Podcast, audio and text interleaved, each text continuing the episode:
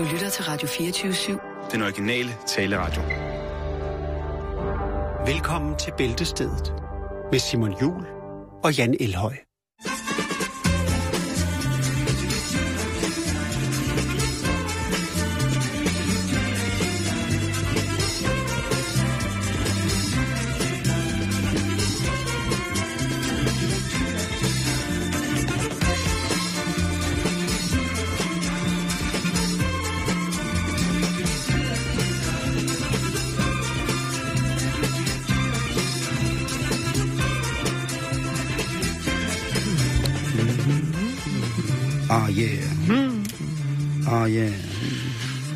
God eftermiddag og velkommen til Bæltestedet her på Radio 24 I dag der er det onsdag. I går var det tirsdag. Der var frit slag i bolledejen, og øh, der blev øh, lagt et, øh, et, et øh, billede op, øh, Simon, der øh, Ja. under vores programbeskrivelse, som delte vandene lidt.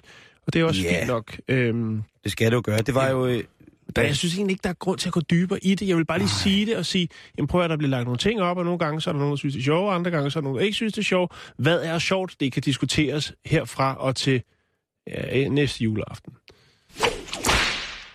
Sådan der. Ja. Og lad os med de ord, de vise ord, få startet dagens, øh, dagens program. Ja.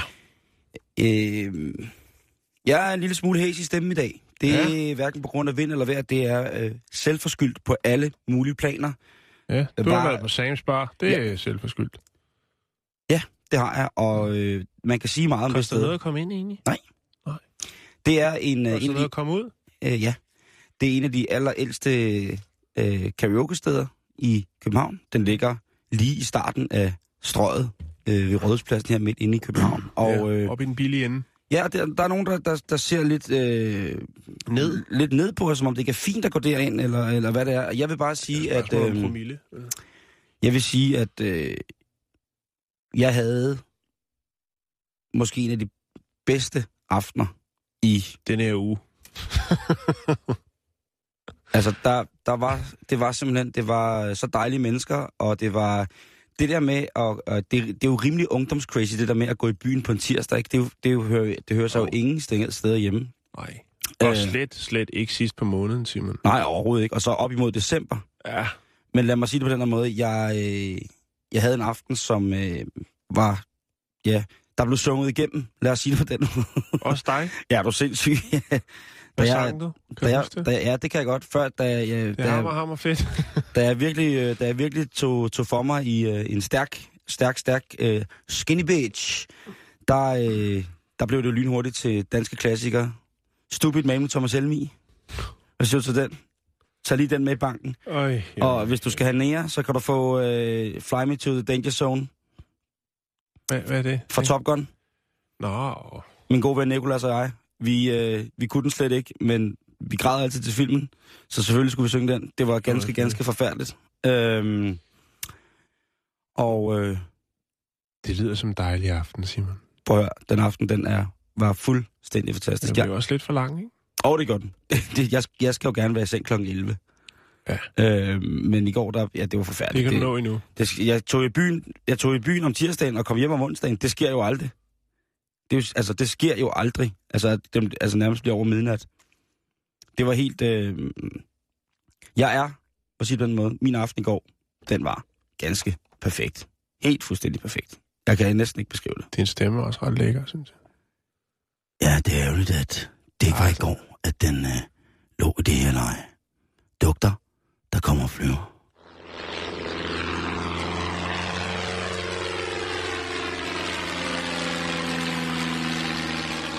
Ja, Og- det tager noget tid, før den når i mål.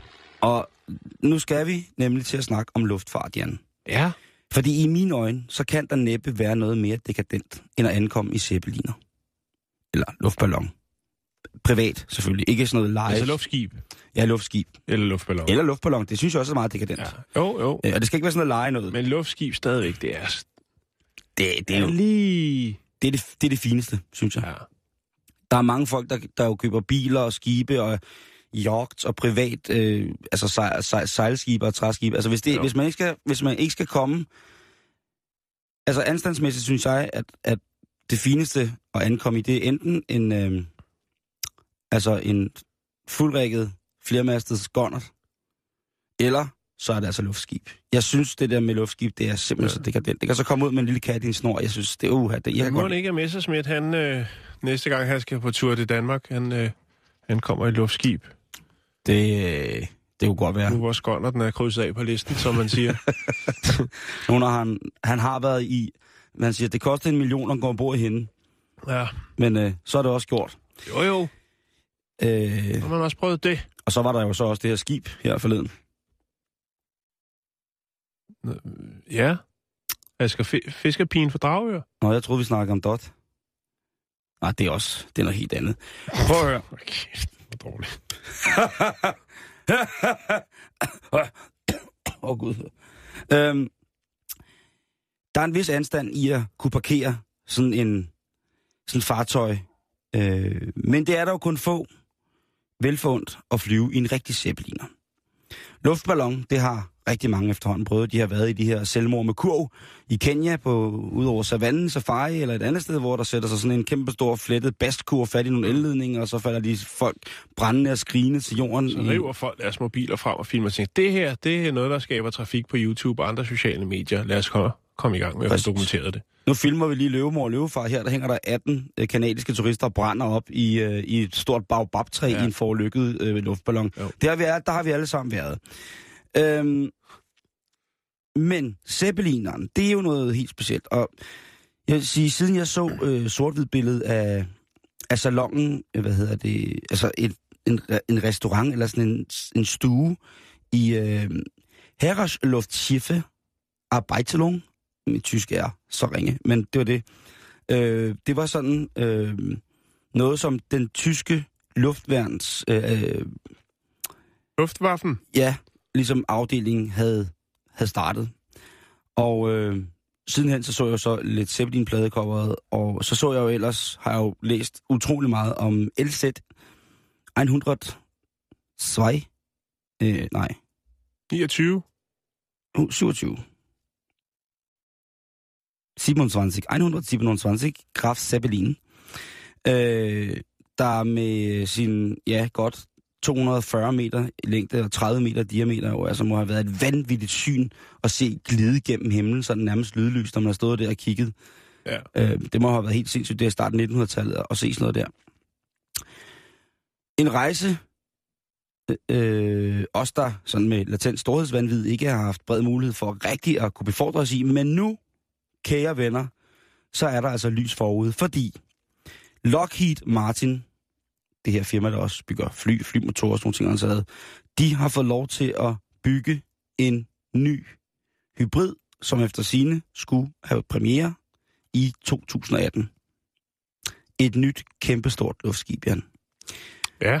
Og det er det, der svarer til det danske luftfartsvæsens administration, som altså den her uge, netop nu, har øh, godkendt alle certifikationer, som ligesom er lavet og er udtryk for, hvordan der skibet skal sammensættes, og alle sådan nogle, det, altså det er jo sikkert 10 milliarder millioner sider fyldt med alle mulige regler og lov og sikkerhed og fan over hans pumpestok. Øh, men nu er de altså klar til at lave det. Og det, umiddelbart så bliver det ikke et, et cruise-skib, altså ligesom øh, for eksempel den gamle Graf Zeppelin var.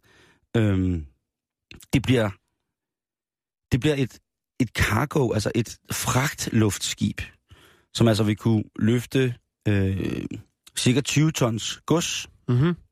og øh, øh, ja, flyve ret langt for ret få penge. Og det er jo noget, som øh, rigtig, rigtig mange Det er en godt grøn lide. løsning, Øh, Simon. Det er en grøn løsning.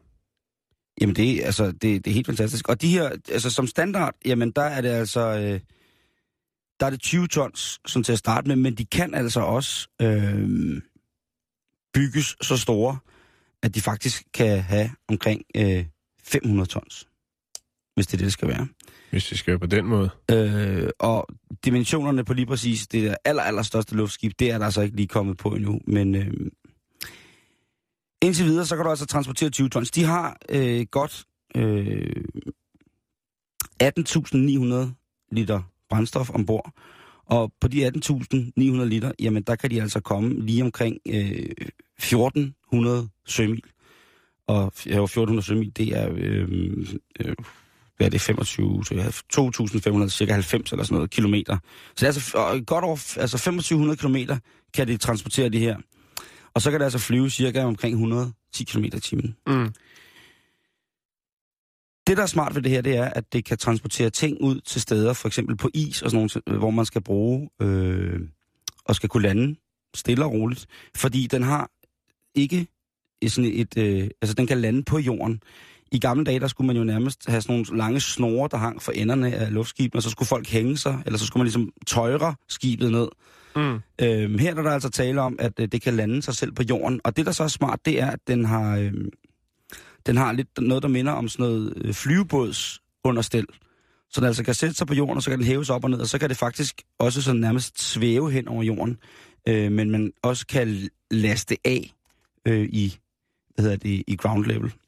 Så det er, det er altså noget, der, øh, der bliver hårdt igen. Jeg venter jo bare på, at P. Diddy, han får en luftballon, eller hvem det nu skulle være. Der kunne være, hvem kunne herhjemme være... Det er Rasmus Sebak.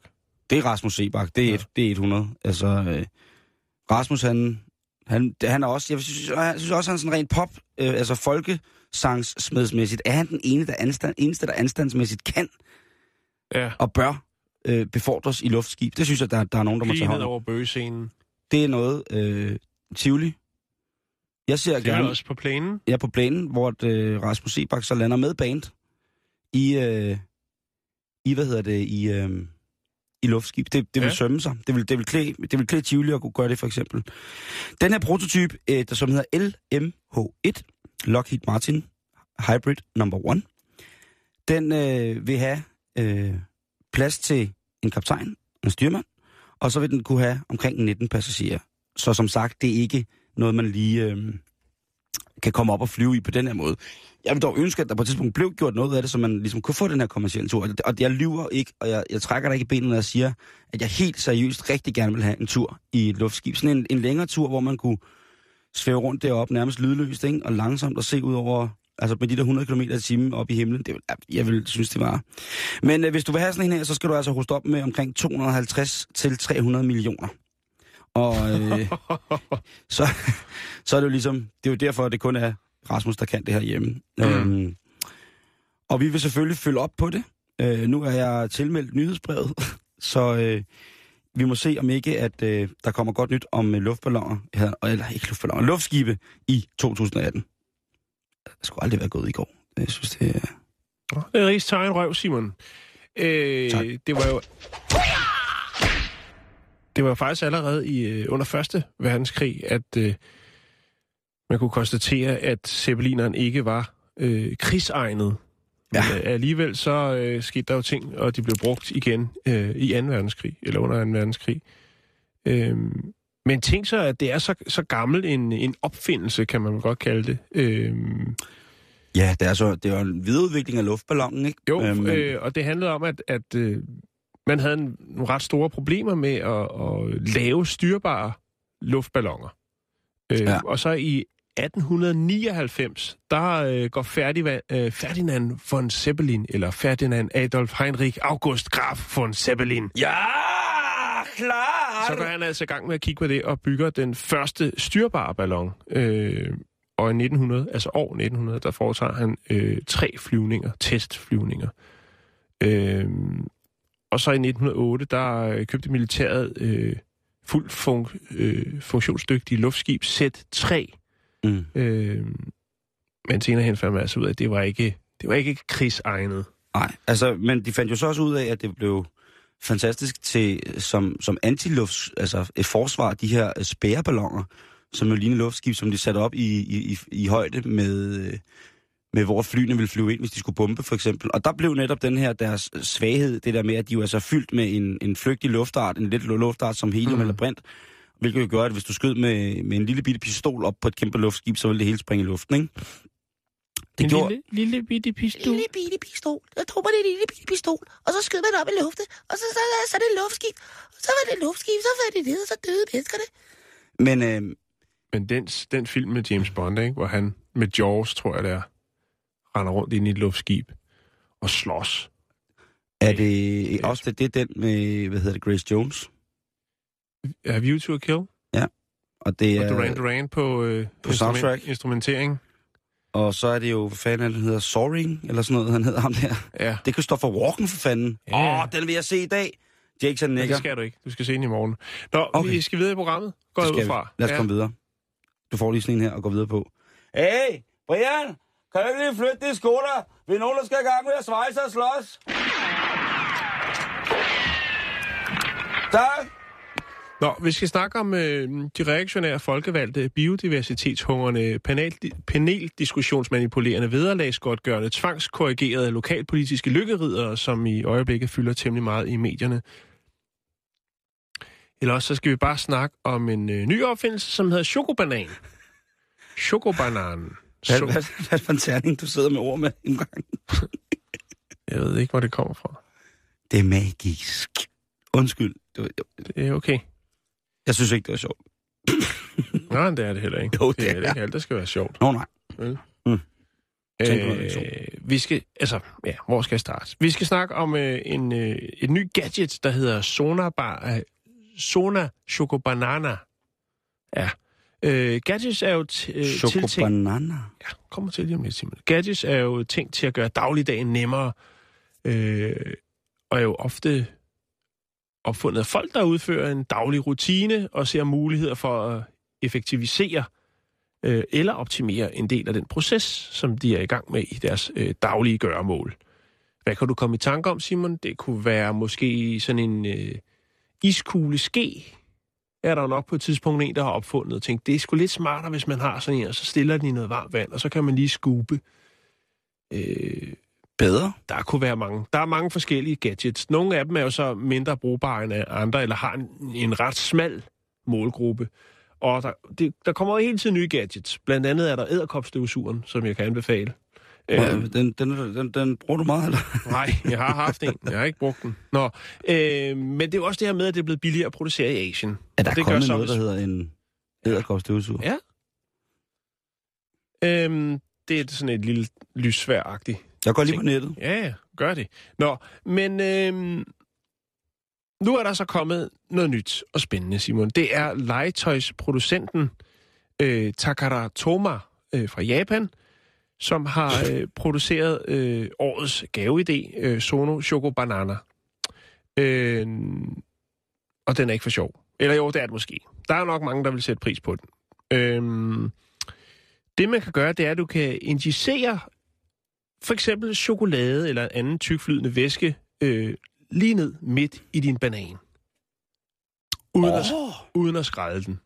Du kan tage toppen af, og så kan du ellers bare sprøjte ind, hvad du nu har lyst til. Det kunne jo være, makrelsalat.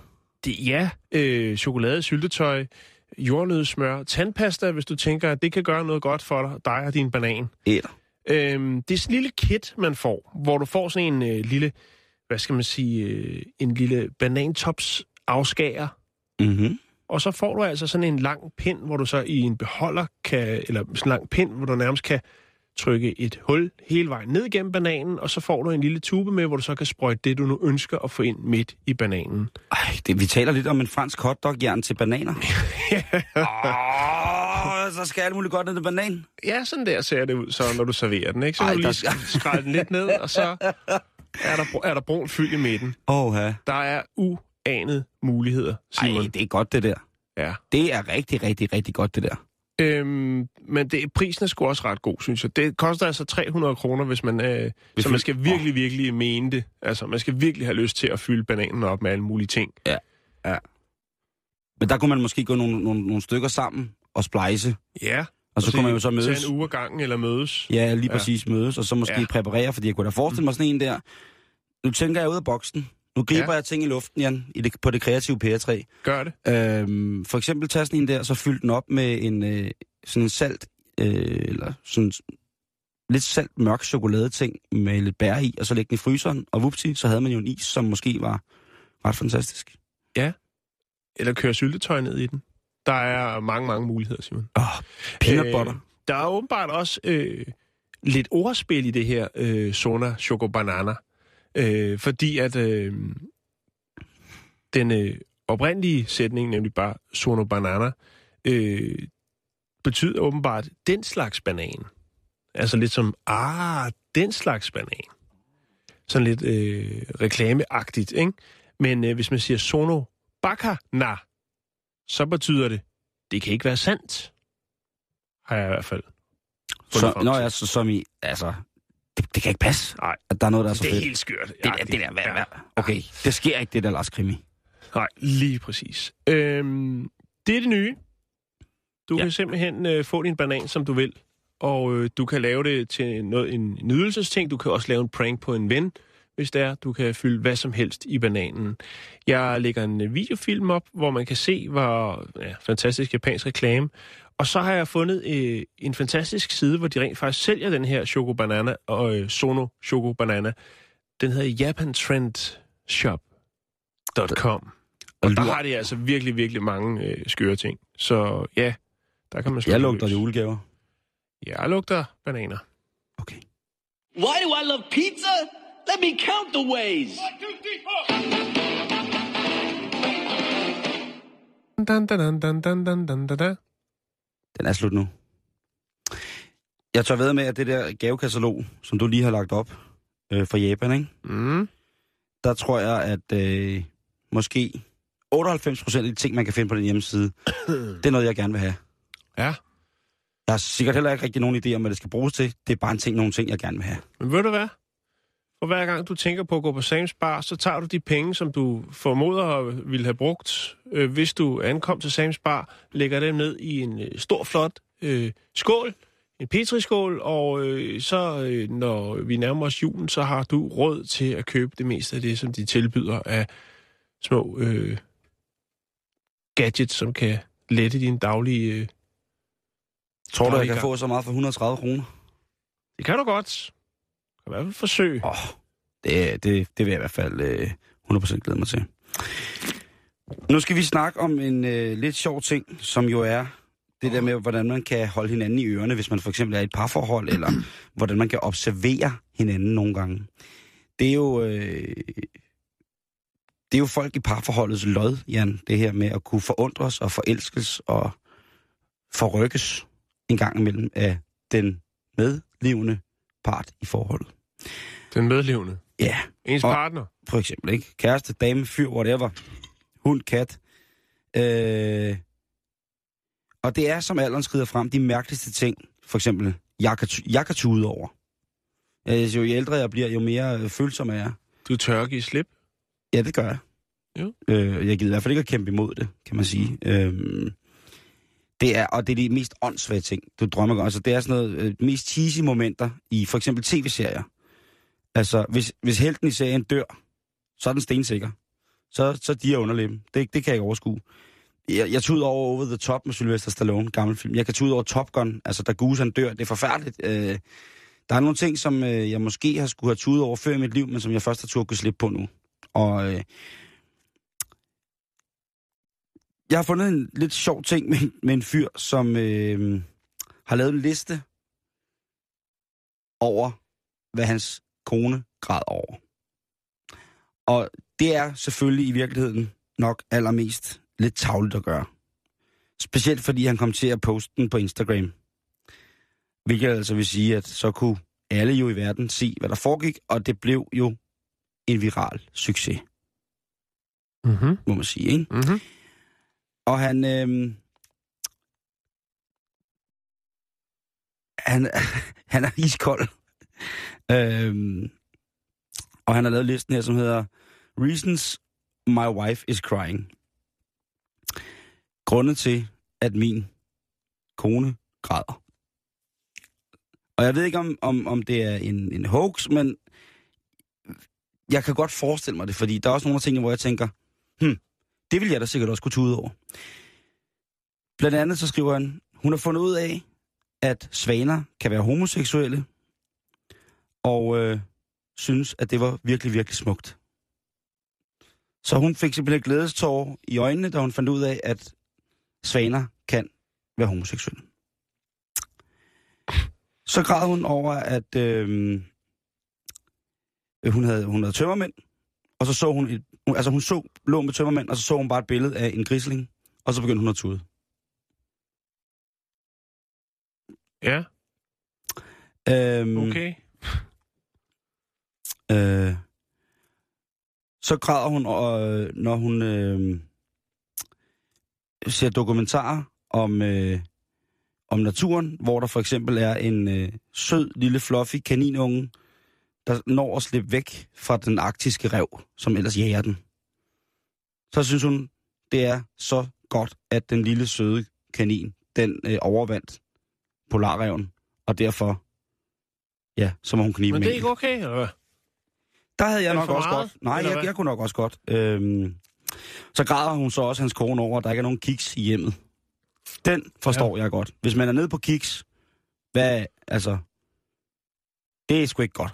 Øhm, Ej, så må hun køre en tur. og så øh, kom hun til at græde øh, igen, da hun kom til at tænke på, at Svana kunne være homoseksuel. så der lige været lidt tid, hvor hun ikke har grædt over noget, så kom hun til at tænke på, Kim. Måske er gået og handlet, så tænkte hun bare, skat, Hun er bare en følsom sjæl, Simon. Jeg kom lige til at tænke på, at svaner kan være Det er homoseksuelle. også Er det meget, meget energi at bruge på forskellige ting. Nå, men Men det er altså, stort, synes jeg. Det er, det er stort. Så er man passioneret. Så er man gemyt. øh, så begyndte hende her kæresten og konen også at græde over, da han tog fat i hendes hånd og gerne ville holde i hånden, uden at hun havde forventet, at han skulle holde hende i hånden. De har et virkelig vildt forhold, dem jeg tror jeg. Øhm, så græd hun også, når han, øh, når ham her manden laver aftensmad, efter at konen kommer hjem fra en lang arbejdsdag, så kan hun også godt finde på at græde. Øhm, og den sidste ting, der er på hans liste over ting, hans kone græder over, det er, at øh, hun så en video, ligegyldigt hvad for en video, med en hund, og så begynder hun at græde.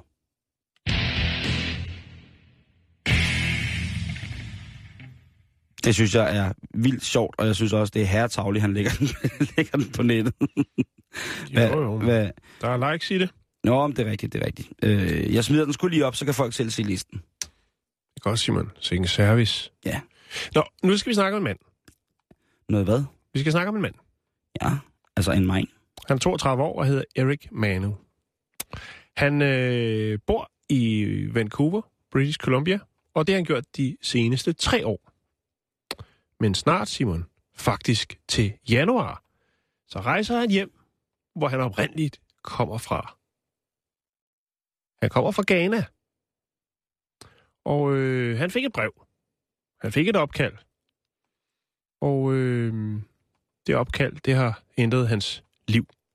Han kom til Canada øh, i 2012, efter at han giftede sig med en kanadisk kvinde, som han mødte i Ghana.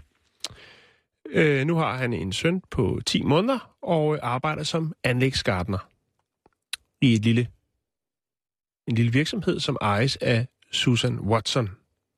Det lyder da hyggeligt. Det lyder rigtig hyggeligt. Øhm, Men han skal tilbage, altså han er ikke blevet smidt ud, eller... Altså, nej, der er ikke noget øh, støjbær her. Nej, det er okay. ikke, der er Nej, ikke nej. noget, nej. han er Øh, god nok. Han, han, han skal bare øh, hjem til nok. Ghana. Oh, oh. Ja, lige præcis. Præcis. Han er en flink fyr. Øhm, og øh, han går jo her som øh, anlægsgartner i øh, Vancouver, sammen med chefen for det hele, Mm-hmm. han, hin, hans øh, partner in crime, nemlig Susan Watson, som har det her øh, anlægsgartner-firma. Og øh, hun er rigtig glad for, for Erik. Han, øh, altså, de snakker meget om, hvordan det er i hans hjemland, der hvor han kommer fra, mens de går der og nusser i folks haver. Og øh, nu skal han tilbage, og hvorfor er det så, han skal det? Hvorfor er det, han tager hjem, når livet er så godt? Han har sin kanadiske kone, han har en søn på 10 måneder, han har et fantastisk job og en øh, god samarbejdspartner, Susan Watson. Det skal han, fordi at hans onkel er død. Han døde tilbage i 2013, og efterfølgende så var der en lang diskussion om, hvem der skulle overtage hans position. Og i juli i år, der modtag, øh, modtog Manu et telefonopkald, øh, hvor at øh, man ligesom var nået frem til, at han skulle overtage Onklens job. onklens job, som er at være høvding eller konge, om man vil. Han skal være stammeleder, Simon. Ot. Ja. Han skal simpelthen øh, lede en øh, stamme, der hedder Akan-stammen, som øh, øh, består af 6.000 kinesere. Det Så, så er han jo konge. Han er konge. Så bliver han... Er der... Han får et telefonkopkald, og bum, så er han konge. Ej, hvor... Det er jo, Ja. altså... Shit. Øhm, han siger, øh, Åh, i traditionen fra min stamme af, der arver vi øh, ligesom tronen øh, fra morens side. Øh, men det er så, at, kan man sige, han er den ældste nevø af onklen, og øh, så er det altså ham, der overtager tronen. Mm-hmm. Øhm,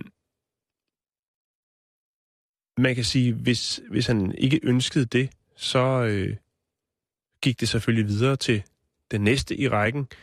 Øhm, og ikke noget, man- kan sige, hvis man har sagt nej en gang, så er det ikke noget, man kan komme og sige, nu vil jeg godt være konge alligevel. Okay. Okay. Det kan man ikke. nej, det Når man kan har sagt nej, så er det nej. Ja, ja. Øhm, så derfor så hiver han altså stikket op.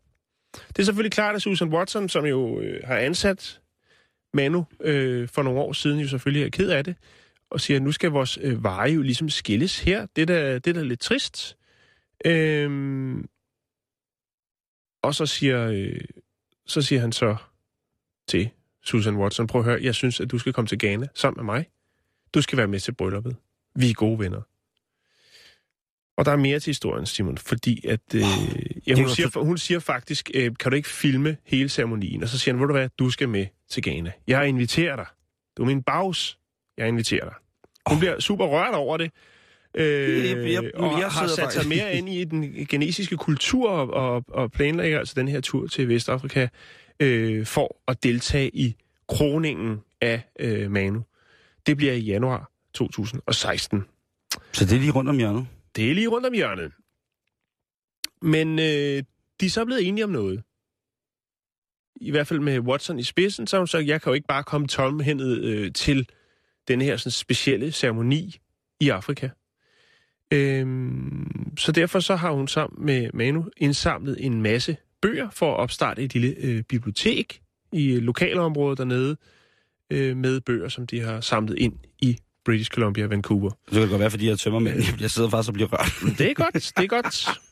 Øh, I løbet af de sidste par måneder har Manu og Watson øh, og hendes datter og et par venner øh, samlet øh, 40 bærbare computer ind, 8 symaskiner, 14 cykler, skoleartikler, brugt tøj, øh, stole, alle mulige ting. Frø, altså til at plante afgrøder med. Alt det smider de i en øh, 40-fods container, og den sender de så øh, afsted fra Canada til Ghana. Øh, og den vil så være øh, stå klar til at ligesom at blive åbnet, så, så Manu kommer tilbage som konge, men også bare med en Med gaver til folket. til gaver What? til folket. Det er jo totalt omvendt coming to America. Fuldstændig. Åh, oh, jeg er Øhm, tosset med det der. Watson og Manu har også øh, sidenhen fået den geniale idé ligesom at øh, lancere øh, To the Moon and Back Foundation, som er en velgørenhedsorganisation. Øh, Ja, det, det må som har, voldsomt nok. Det synes jeg er meget fint. Vil de sender uh, ganeser til månen? Nej, Nå, okay. det hedder organisationen. Den Ej, hedder øh, To the Moon and Back. Fordi hvis de Øh. først får computer nu, nogle af dem, og de så laver en foundation. De skal ikke ud i rummet. Det være ja, meget mærkeligt. Bukebe, Anfra og Kim Kim, så skal I til månen. Ja, I et par brugte sko med en, halvgod computer. God tur. Farvel. god tortur. Husk, husk trummer Øhm, og flage. men altså, de, øh, de går så i gang. Og ved du hvad, Simon? De går i gang med at samle ind her, ikke? Så, så der er en god connection der øh, mellem øh, Ghana og, og Canada. Men ud over det, så har Watson også, altså Susan Watson, Alex Gardner number one, hun har tilbudt at blive nogle måneder i Ghana og lære øh, fra sig hendes ekspertise omkring det her. Altså hun vil undervise og, og lære folket dernede at producere øh, afgrøder, som er med henblik på salg selvfølgelig også for. Ja, ja. Og, og, ja. Åh, oh, er hun sej.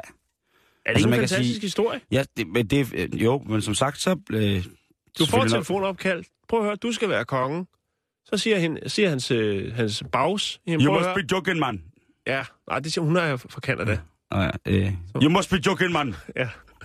Meget mørk stemme. Yes. Og så eskalerer det hele bare med 20-fods container, og hun hiver stikket ud af sit eget firma, rykker derned og deler lidt ud af hendes viden. Jeg synes, det er en fantastisk Og, historie. og måske kunne... det, det, jeg havde også en positiv historie fra Canada i går. Det Ja. var det her med dem, der, skulle strikke små dukker. Jeg tror, der er ved at være et opsving i Canada, efter det, det jeg har også. været så grueligt meget igennem, Jo, ikke? men jo, øh, de har fået lagt øh, i mere end en forstand Rob Ford På hylden. på, på hylden, og nu øh, ser de fremad med nogle rigtig gode tiltag øh, og kigger Og måske mod- kan hun jo også øh, lære noget af Ghaneserne, fordi at øh, Ghana er, på trods af mange forskellige svære ting, øh, eller hvad man kan sige, de har, de har det ikke nemt med De mange ting. udfordringer. Ja, lige tak, Jan.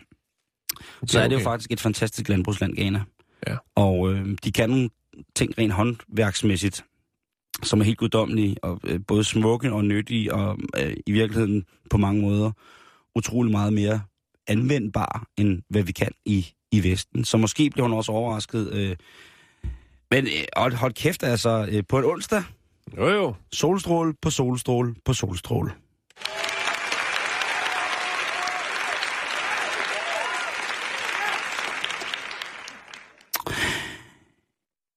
Nu skal vi øh, snakke lidt om, øh, om Japan igen. Jeg, jeg bliver inspireret, når du, øh, når du fyrer op. Mm-hmm. Fordi at... Øh, nu snakker du jo om nogle, nogle ting på, hvad var det, den hed, den liste der? Øh, hjemmesiden med, med gadgets. Det var en japansk gadgets-side, hvor man kunne få øh, bananfylderen, ikke? JapanTrendshop.com Lige præcis. Men der er også andre, .jp, og det er også lige meget. Hvad vil du sige, Simon? der er også noget, noget, noget andet meget nyt og spændende i Japan, som så også øh, tilforladeligt er utrolig, utrolig dyrt til gengæld. Og øh, nu, nu vi- viser jeg lige et billede her. Kan du se? Hvad Det er, det er en guldbar. Lige præcis. Den er lidt tynd. Det er fordi, at det ikke er øh, en helt guldbar, det er en, øh, et stykke KitKat-chokolade. Det her øh, øh, forfærdelige produkt, øh, som er sådan en tavlig, øh, jeg ved ikke, om man kan det, kalde det chokolade, men det er sådan en eller anden øh, fedtet lys masse ovenpå en, en, en kiks-agtig ting. Øh, Ja. Den har øh, producenten af det, altså Nestlé i sådan Japan, en chokolade kiksbar Ja. agtig ting. lige præcis. Ja.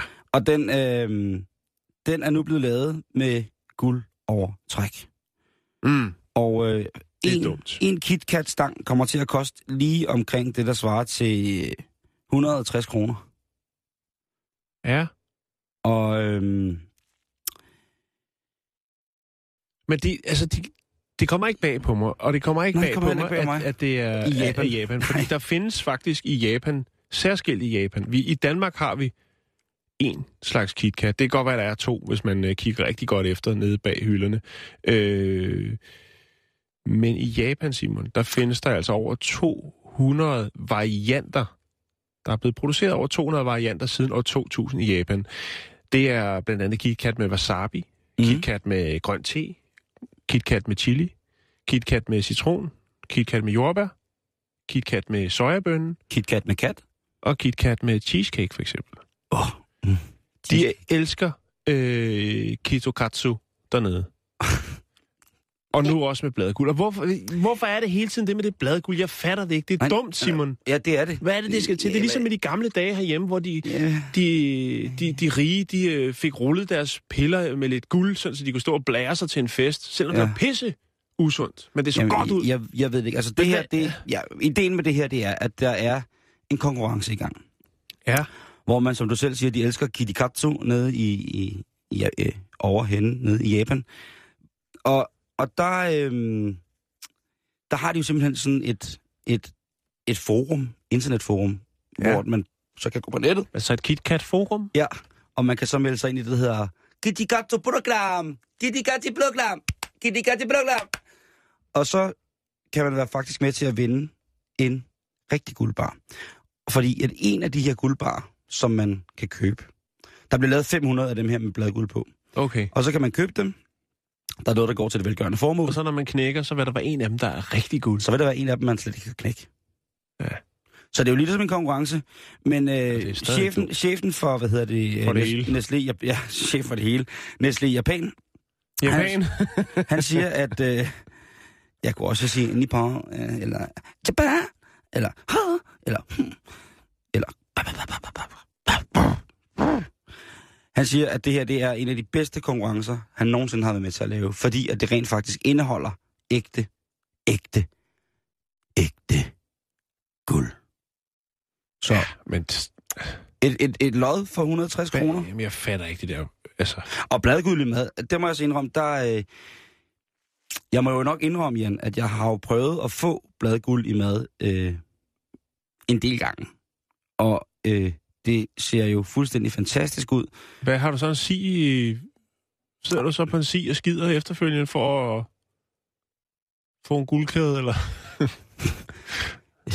eller skyller du det bare ud? Der var den historie, hvor det er fra, hvor man øh, jo øh, Jamen- udvandt guld fra... Øh, Tokyo det var Tokyo. og London er begyndt nu.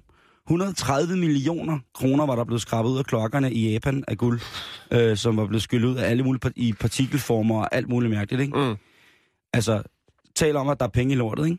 Jo, det skal men det, men det for. her, det er altså bare, øh, ja, må man sige, øh, lidt konkurrenceagtigt.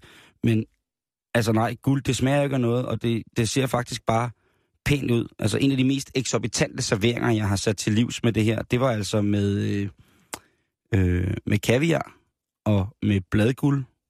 Og der var sågar også en lille smule øh, foie gras med i projektet. Alt det dyre. Og så var der trøfler. Det var, det var lige præcis det, det var. Det smagte egentlig ikke særlig rart. Altså det var meget, meget... Det er også lige meget bare, det er dyrt. Ja, og delikatesser. Ja. Ingredienserne var jo ligesom øh, det fineste, man kunne få, men, men arbejdet med at finde en eller anden form for harmoni og nogle gode spænd i smagen og nogle gode sådan kanter, som man ligesom ikke blev revet i munden af, men gav hele, op, hele oplevelsen en form for, for kant og noget, som der hang fast bagefter.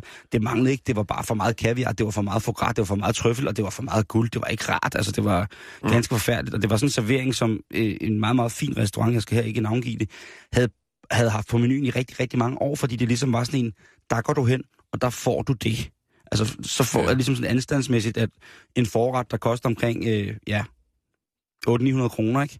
Altså, sidder man der med den, og så, så får man noget ind, som bare er vulgært, og øh, uden, fuld, uden nogen, altså for mig, fuldstændig blottet for finesse, øh, kreativitet, og øh, så kan det godt være, at det var en, en, en, en signatur for en, for en bestemt kok. Altså en, sådan et, et øh, hvad kalder man sådan noget, et, hans mærke, Bladguldsbjarke lige præcis, god gammel, god gammel bladguldsbærke, ikke, som bare står og laver mysli med alt med bladgud, havregrød og alt muligt. Nej, men det, det, det, så havde jeg drømt om måske at opdatere den lidt, eller, øh, øh, eller, eller what. Øh, fordi ingredienserne hver for sig på nær bladguldet var, var fuldstændig magiske. Altså, det kan jeg slet ikke... Øh, og jeg var meget, meget imponeret over den her servering, men, men, men, men smagsmæssigt, der tænkte jeg også bare, nå, okay. Optrædende tjenere. Nej, det var, det, det var der fandme ikke på den restaurant. De, de er bare ikke cocktails. Ved du, jeg vil, jeg vil godt fremhæve øh, den svenske pangdang til KitKat. Det er den, der hedder Quick Lunch. Ja! Ikke? Øh, fordi det er jo faktisk det samme. Godt nok så kom den øh, to år senere på banen en øh, KitKat. Er den svensk eller norsk? Den er svensk. Er den ikke det? Er den svensk? Den er svensk. Jeg er troede, den svensk? Jeg troede, det var noget, der hed Freja, der lavede det i Norge. Ja, det kan godt være, du har ret. Øh, Nej, det er bare mine norske Hvor- gener, der rykker, rykker i mig, fordi at det er ja, noget... men du har ret. Den er norsk. Den er norsk, siger har man. aldrig Kiwi Lunch. Jeg er ikke så tit i, i, i øh, Norge, så jeg kører, når jeg er i Sverige. Quick Lunch. Den er god. øh, Den er god. lanceret i 1937, øh, og det er jo det samme, det her med de her aflange kikse chokolade øh, bider. Øh, jeg kan se, at, at KitKat blev produceret øh, i 1935, det vil sige to år før, at Quick Lunch kom på banen. Øh, man producerede så Quick Lunchen fra øh, første gang i 37, og så stoppede man produktionen i 1941, Simon. Nå. Og ved du, hvorfor man gjorde det? Det var Fordi på grund af mangel på sukker, og så at øh, melkvaliteten simpelthen var for dårlig. Så blev produktionen genoptaget i 1949 og har været i gang siden. Det er Quick Lunch, og de laver ikke alt muligt gøjl med grøn te, chili, havtorn og øh, Skade med Øh, Svanenæb og bjørneklør og lige præcis og bladguld. Nej, de kører bare Quick Lunch, det er Quick Lunch. Og den smager jo altså fuldstændig lige så ringe som KitKatten. Men der er bare Ja. noget, når man er vokset op med en nordmand i familien, så er der bare noget med, at, øh, at, at Quick Lunchen, den er bare, Mm. den, den er lidt hellig. Ja. Den er lidt ligesom det norske tørrebrød, der hedder Knejp, at det er virkelig heller ikke et særligt bragt produkt, men det er stolt, og det smager virkelig, virkelig ikke særlig godt som regel. Men man spiser det, fordi at det er en ganske, ganske særlig tradisjon at uh, ha akkurat det å spise når man uh, går på fjellet.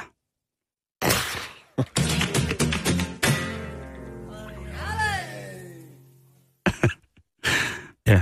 Nå, Simon, nu skal du længe dig tilbage, fordi nu bliver det okay. ret vildt. Det bliver grænseoverskridende for dig. Jeg ved, det er noget, der kan fremkalde angst hos i hvert fald dig. Ja. Men det ender oh. godt, det hele. Tak. Okay. Vi skal snakke om en klovn. Nej, stop. Han hedder Dudu, Altså ikke ligesom øh, Radio 24-7's Dudu, men Dudu. Lige præcis, tak. Han er en meget, meget øh, kendt klovn fra Toronto. Han har været klovn i over 30 år, Simon.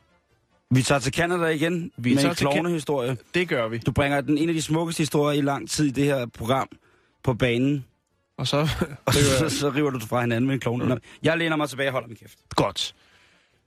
Dudu, han, øh, han har lige fået fri fra arbejde, og øh, skal køre en af sine øh, klovnevenner til Union Station. Og øh, da de drejer om hjørnet øh, fra det, der hedder Bathurst, og kører mod den øh, gade, der hedder Front Street, søndag eftermiddag, efter de har overstået deres job, deres klovnejob, så ser de, øh, han har, øh, det skal lige sige, øh, Dodo, han har fået øh, sådan et dashcam, jo, som er meget op i tiden. Det, det er jo stort set alle, der efterhånden har et kamera installeret i forruden, som man altid kan dokumentere, hvis der skulle ske noget, som man ikke lige havde forventet. Det er fantastisk at se blandt andet i Rusland, hvad der kan ske af uge. Hvad skal man sige?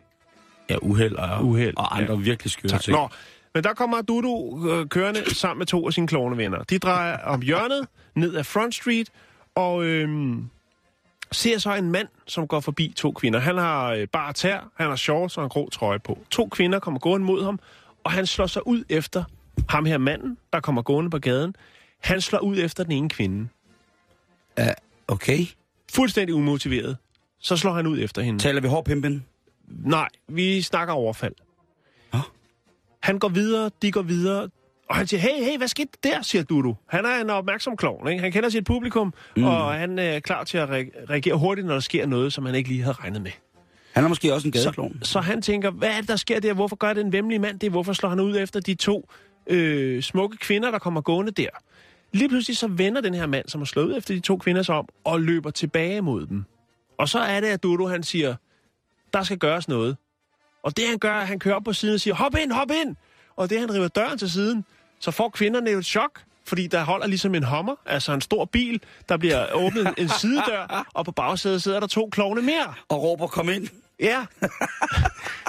øhm, men de hopper ind, og den her mand kommer løvende hen mod bilen så, og begynder at slå og sparke på den, og hiver sidespejlet af. Og, Men- og Dudu, han sidder så inde og siger, du skal ikke, hvad laver du? Og så videre, så videre. Han Du skal ikke komme på min bil og trampe på min dør og slå på min vindue. Du skal gå væk nu. Lige præcis. Fokus, fokus. Og så har han også, selvfølgelig også øh, kontaktet ordensmagten. Jeg har ringet til uh, politi. 911. Jeg er kommet nu. Ja. Farvel. Og øh, de her to kvinder, de er selvfølgelig meget overrasket over øh, ligesom det hele. Dutter han siger, at jeg reagerede bare som jeg måtte. Jeg så to kvinder i nød, og jeg havde slet ikke tænkt på, at jeg havde arbejdstøjet på, og jeg havde to klovne på bagsædet. Jeg tænkte bare, at de to kvinder, de skal komme til undsætning. Øh, og de blev selvfølgelig reddet, og politiet kom, og de anholdt så øh, den her mand, som øh, var under indflydelse af en eller anden form for, for stof. Øhm, hvad var det, han hed? Det kan jo egentlig også være lige det er selvfølgelig, hvis man har gået i klasse med ham. Han var 25 år og hed Vaiguo. Vaiguo. Øhm, og han er selvfølgelig blevet anholdt for, øh, for, for den her, det her optog. Det er en ren misære. det her overfald er. Øhm, men det er selvfølgelig klart, sådan set ud fra, udefra, så er det jo meget mærkeligt, at en klovn ligesom øh, bliver en redningsklovn. Han kommer på forsiden af lokalaviserne. Der er masser af tv-interviews, hvor han står i sin arbejdstøj og fortæller historien. Han er blevet hedret af, af hvad skal man sige, af, af lokalsamfundet. Han har været op på rådhuset og simpelthen fået øh, anerkendelse i form af et øh, diplom for hans gode gerning øh, og reagerer så øh, hurtigt på sådan en skrækkelig hændelse, til trods for, at han havde arbejdstøjet på.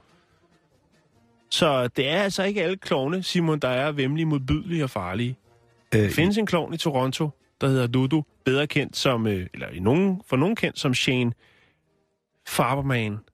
Han, øh, han kan altså øh, respondere hurtigt, hvis han ser noget, som han synes er upassende adfærd over for hans medmennesker. Okay, men så er der måske én klovn. Og i hvert fald en klovn, ikke? Dem, har haft meget med klovne, men øh, Dem, der sad på bagsædet, kunne, godt have, kunne jo for eksempel godt have været nogle svin. jo jo. Men de kunne også have gået ud og gøjlet ham der, ikke? De kunne have tvangsgøjlet ham i bund, så han aldrig nogensinde ville gøre så grimme ting mod fuldstændig øh, uskyldige. Ja, ja. De Det kunne så have pustet nogle ballonger op i ham eller et eller andet. Det må også op i ham.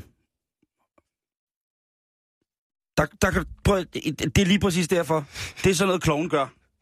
Lige så snart man kigger væk, Jeg Bum. tror det ikke. Det var dårligt. De kunne så have- har man en ballon på røven.